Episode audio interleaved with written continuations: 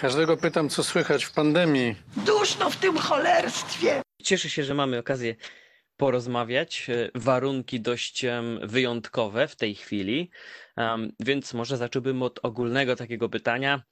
Mm, W jaki sposób pracuje reżyser w takich warunkach? No i jak zapatruje się na najbliższą przyszłość?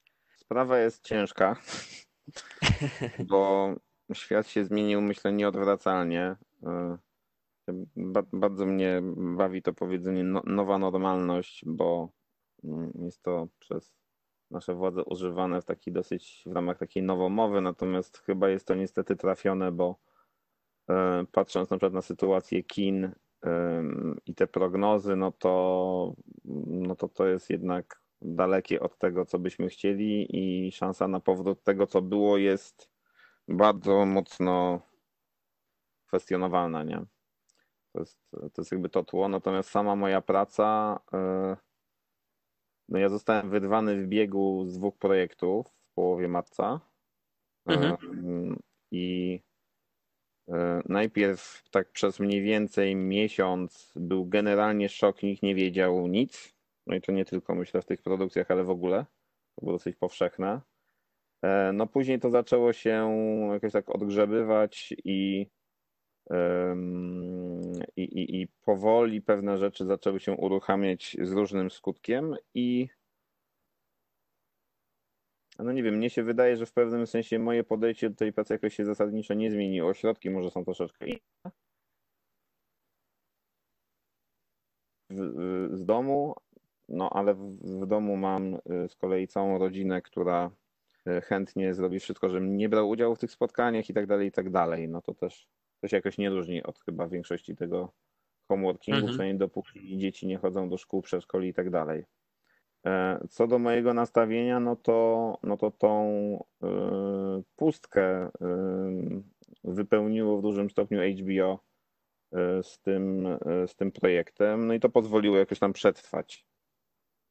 Więc ja tak mam bilans dosyć w sumie dosyć pozytywny tego okresu, też mając na uwadze, że przez to, że świat się zatrzymał, mogłem właśnie z drugiej strony właśnie posiedzieć w domu z żoną, z dzieckiem, teraz z dziećmi, więc, więc y, to też było dosyć, dosyć takie wartościowe, a w tym wszystkim jest y, taka przewrotność losu, że w zeszłym roku, który był bardzo intensywny, mówię tak, tak jakby ten był mniej intensywny, a w sumie chyba nie jest, no to ja sobie właśnie parę razy tak powiedziałem, że fajnie było, jakby ten świat się w pewnym momencie zatrzymał, bo można by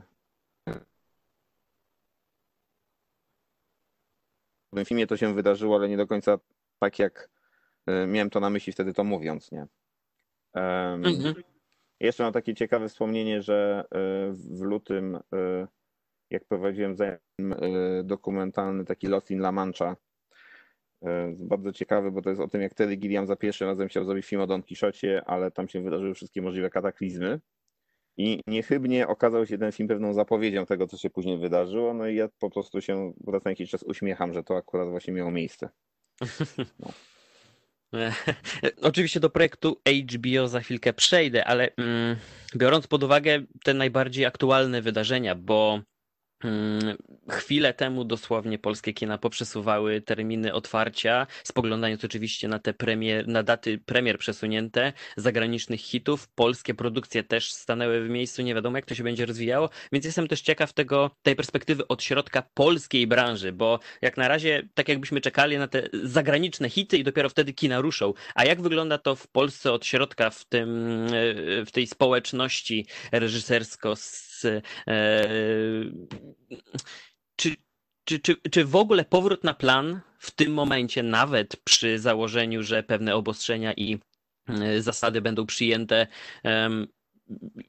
jest umotywowany rzeczywiście, skoro ten film być może będzie musiał zostać odłożony na półkę, nawet nie na kilka, a może na kilkanaście miesięcy. Mm, No ba- bardzo jest trudno odpowiedzieć na to pytanie, szczerze mówiąc. Oczywiście można wywiesić białą flagę i czekać, aż się rzeczywistość odrodzi, ale to jest czysta teoria, bo coś trzeba robić.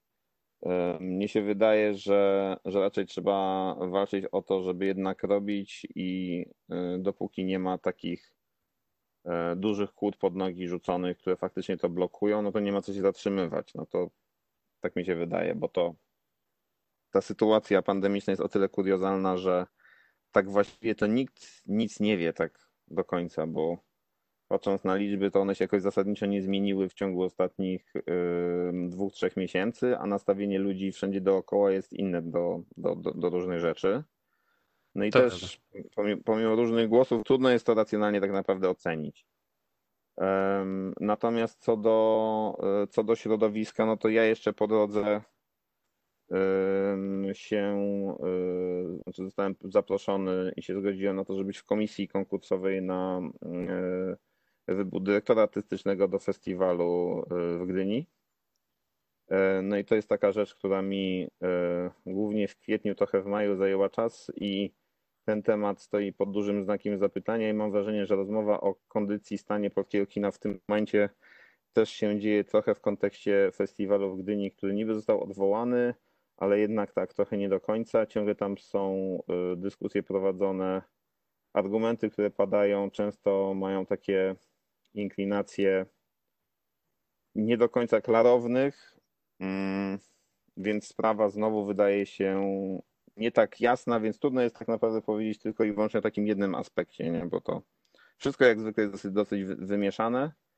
Em, Ja z kolei, czy my jako komisja też e, bardzo żeśmy e, się czuli tacy predestynowani do tego, żeby, żeby walczyć o ten, o ten kształt. No i to jest też dosyć duży znak zapytania te, teraz i, e, i mam nadzieję, że ta sprawa jednak znajdzie swoje rozwiązanie takie, jak, jak e, myśmy myśleli e, na poziomie kwietnia, kiedy, kiedy był ten konkurs przeprowadzany. Rozumiem, rozumiem. No ciężka sytuacja, e, no i tak rzeczywiście rozmowa e, już bardziej wybiegająca w przyszłość to wróżenie z fusów, więc e, skupmy się na tym, co czeka nas za chwilkę na HBO w połowie lipca.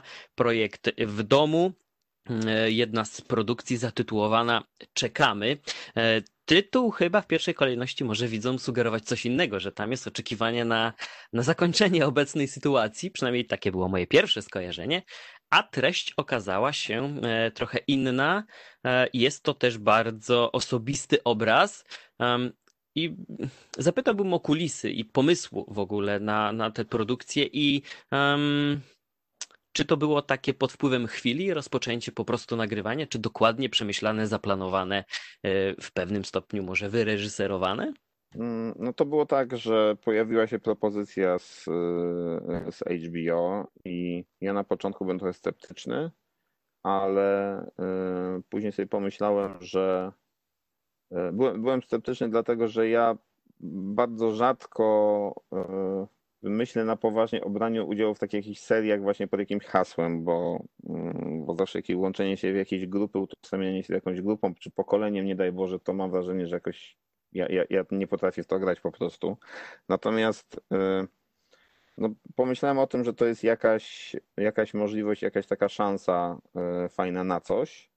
No i dosyć szybko sobie no, zdałem sprawę, no, że to jest mo- możliwość utrwalenia, utrwalenia tej wyjątkowej chwili czekania na, na dziecko, ale niekoniecznie mojego, a przede wszystkim naszego syna, czy w ogóle jakby nas rodzinnie. I no, siedliśmy do stołu, pogadaliśmy najpierw, najpierw z moją żoną, z Moniką, później z, też, też z Mikołajem. No i żeśmy stwierdzili, że to jest coś ciekawego, co można zrobić. Trochę z nudów, trochę z okazji, trochę z takiego przekonania, że skoro się świat zatrzymał, a tak naprawdę się nie zatrzymał, tylko jakby ma inne wektory działań, no to, że można też skręcić w stronę te, takiego eksperymentu, trochę filmowego, trochę rodzinnego, e, przy założeniu, że robimy to na takich pozytywnych emocjach, e, szczerze, otwarcie i niewymuszenie. Mhm. No i ja potwierdziłem moją chęć robienia w momencie, kiedy miałem już mniej więcej w głowie to, jak to mniej więcej powinno wyglądać. Czyli, że raczej będę to kręcił sam, nie będę brał osób z zewnątrz, ani operatora, ani montażysty i tak dalej, że zrobię wszystko, żeby nie generować sytuacji typowej dla planu filmowego, czyli raczej, że się ograniczę do iPhone'a i robię to tylko i wyłącznie na w, w takiej konwencji, no i że, że zachowam taką transparentność względem rodziny, co przy robieniu dokumentu zawsze jest mieczem obusiecznym oczywiście. No ale no to to, to była dosyć wysoko postawiona poprzeczka, ja coś takiego lubię. I, i jakby od tej strony takiej czysto reżyserskiej potraktowałem to po prostu jakie takie nietypowe, dosyć niespodziewane wyzwanie, które mi też wydaje, wydaje mi się fajnie pozwoliło się odkleić od tych dwóch dużych projektów, które, które cały czas w tle są. Mhm. Wtedy w momencie powstawania tego filmu były powiedzmy w tym uśpieniu pandemicznym przez ten czas, ale no i też jeszcze, jeszcze jest jeden ten argument, że ja od, e, od premiery Deep Love, czyli, czyli mojego poprzedniego dokumentu, czyli od 2013 roku, no to rozglądałem się za różnymi projektami dokumentalnymi, które, które chciałem zrobić.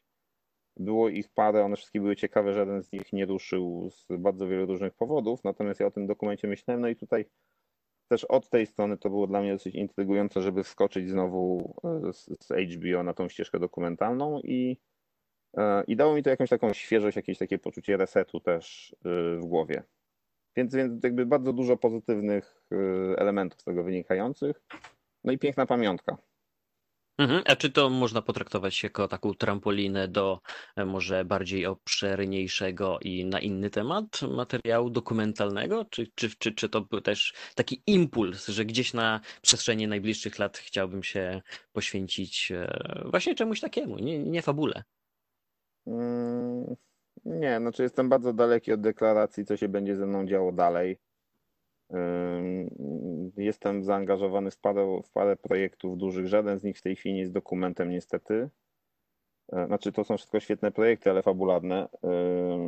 Natomiast no ja, jak będzie fajny temat na, na dokument, który gdzieś tam poczuję i będzie mi po drodze, to ja chętnie do tego wrócę.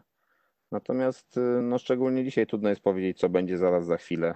Nikt nie wie, co będzie jesienią może y, serial, na którym pracuję, to ludzie raczej zobaczą, bo to można zobaczyć w domu, ale film to już w kinie, no właśnie nie wiadomo, no dużo tych niewiadomych. Chciałbym na koniec zapytać o tą perspektywę e, i spojrzenie na właśnie na te premiery w domu. Bo przed chwilą słyszałem, że, taki, że skoro serial trafi do widzów, którzy obejrzą go na telewizorze, to wszystko jest w porządku, a gdyby padła taka propozycja, żeby produkcja, nad którą pracujecie e, spod Twojej ręki, trafiła od razu na VOD, czy to w modelu takim do wypożyczenia zakupu lub w ramach abonamentu, to czy, czy, czy to zmienia podejście do projektu? No i czy w ogóle wyraziłbyś zainteresowanie, zgodziłbyś się, by, by w taki sposób e, zadebiutował e, taki obraz? No, rozmawiałem z Batkiem Kowalskim jakiś czas temu, dosyć długo i on mi opowiadał o tym, jak jego film, który przecież miał mieć premierę 13 marca dokładnie, został przekierowany w rezultacie do Netflixa i co to zmieniło. I to w przypadku jakby tamtego filmu miały ciekawe konsekwencje, ponieważ e, horror, który zrobił, wywodzi się, e, czy jest sterowany często kinem oglądanym głównie na, z wypożyczalni kaset wideo. I takie szersze spojrzenie na, na tą kwestię wydaje mi się też dosyć istotne, że się nie ma co po prostu obrażać. Akurat projekt, nad, nad którym pracuję, jest bardzo dużym filmem po prostu i byłoby przykro. Natomiast no mając też styczność na wielu, na wielu polach w sumie z, z Irishmanem Martina Scorsese chociażby, to, no to jest trochę tak, że na pewno są pewne filmy, które mogą być robione e, właśnie prosto do HBO, czy do, czy do Netflixa, czy do innych platform.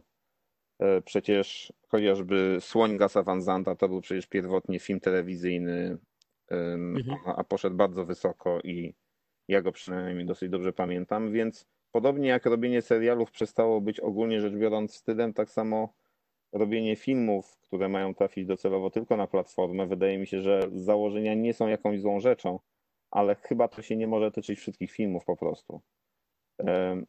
No ale z drugiej strony mamy tak niepewną sytuację kin w tej chwili, że trudno jest cokolwiek wyrokować. Możemy tylko mówić o tym, co byśmy chcieli, jakie mamy, jakie mamy marzenia. No a teraz jest zbyt wiele znaków zapytania, żeby można było to jakoś racjonalnie ocenić. Rozumiem. No, po prostu na ten temat dyskusja toczy się nieprzerwanie od e, kilkunastu, jeśli nie kilkudziesięciu miesięcy, a w ostatnim czasie została zintensyfikowana e, ta rozmowa, tym bardziej, że te filmy pojawiły się w kinach, później były online, teraz znowu wróciły do kin, za chwilkę znowu wyjdą z kin, bo e, no niestety sytuacja nie wygląda zbyt kolorowo, e, to też jest tak dwutorowo trochę mm, myślę umotywowane, bo i widzowie e, niektórzy nie widzą powodu do powrotu, inni się obawiają kilku rzeczy, więc e, No, za- to, zawsze- to, tak, to jest, to jest dosyć złożona sprawa, no bo z jednej strony ja mogę powiedzieć, że bardzo dużo rzeczy oglądam w domu. Yy, Na, na przykład bardzo dużo filmów, yy, będąc członkiem Europejskiej Akademii Filmowej, oglądam zawsze ten tam jakąś część tej pięćdziesiątki, która co roku jest wybierana, no i to oglądam w domu. Nie oglądam tego w kinie, bo nigdy się nie synchronizuję z, z tym, kiedy te filmy wchodzą do kina po prostu.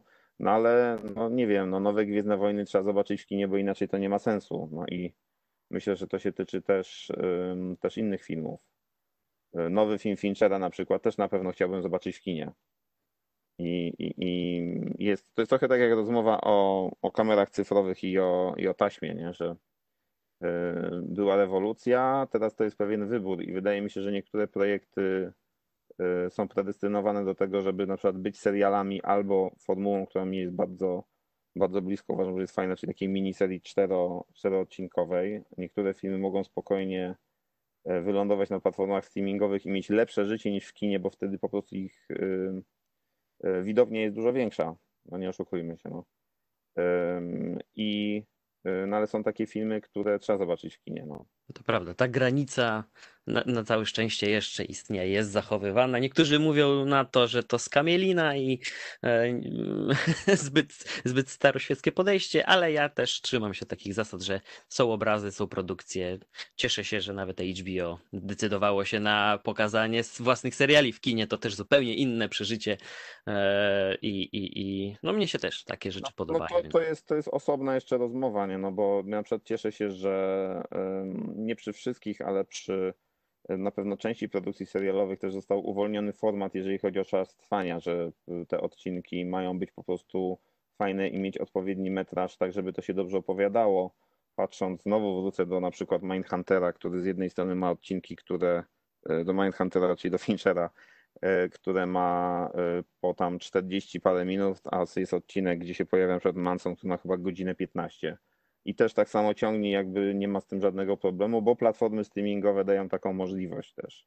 Myślę, że odbiór też filmu, jakby antologii y, w domu też będzie inny, mm, jak to pójdzie y, pewnie w, w całości na, na antenie HBO, a na platformie pewnie będzie można wybrać poszczególne filmy i na przykład zmienić kolejność, to też wpływa, to jest tak jak słuchanie albumu z jakąkolwiek muzyką, że jak się da przycisk shuffle, to jest wrażenie, że się ogląda inną muzykę. No to są, to są takie nowe możliwości, które my ciągle odkrywamy i, i to też daje jakąś nadzieję na jakąś większą interakcję z widzami, a oprócz tego wydaje mi się, że teraz ten czas pandemiczny pozwala na to, żeby się zorientować, że bardzo wiele rzeczy nie ma i to zostało zatrzymane.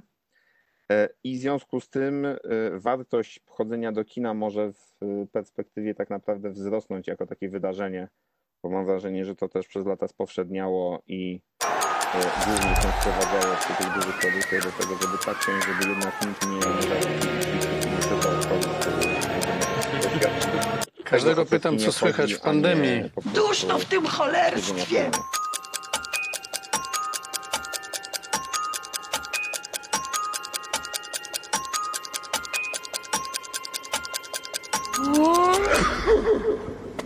Masz wirusa?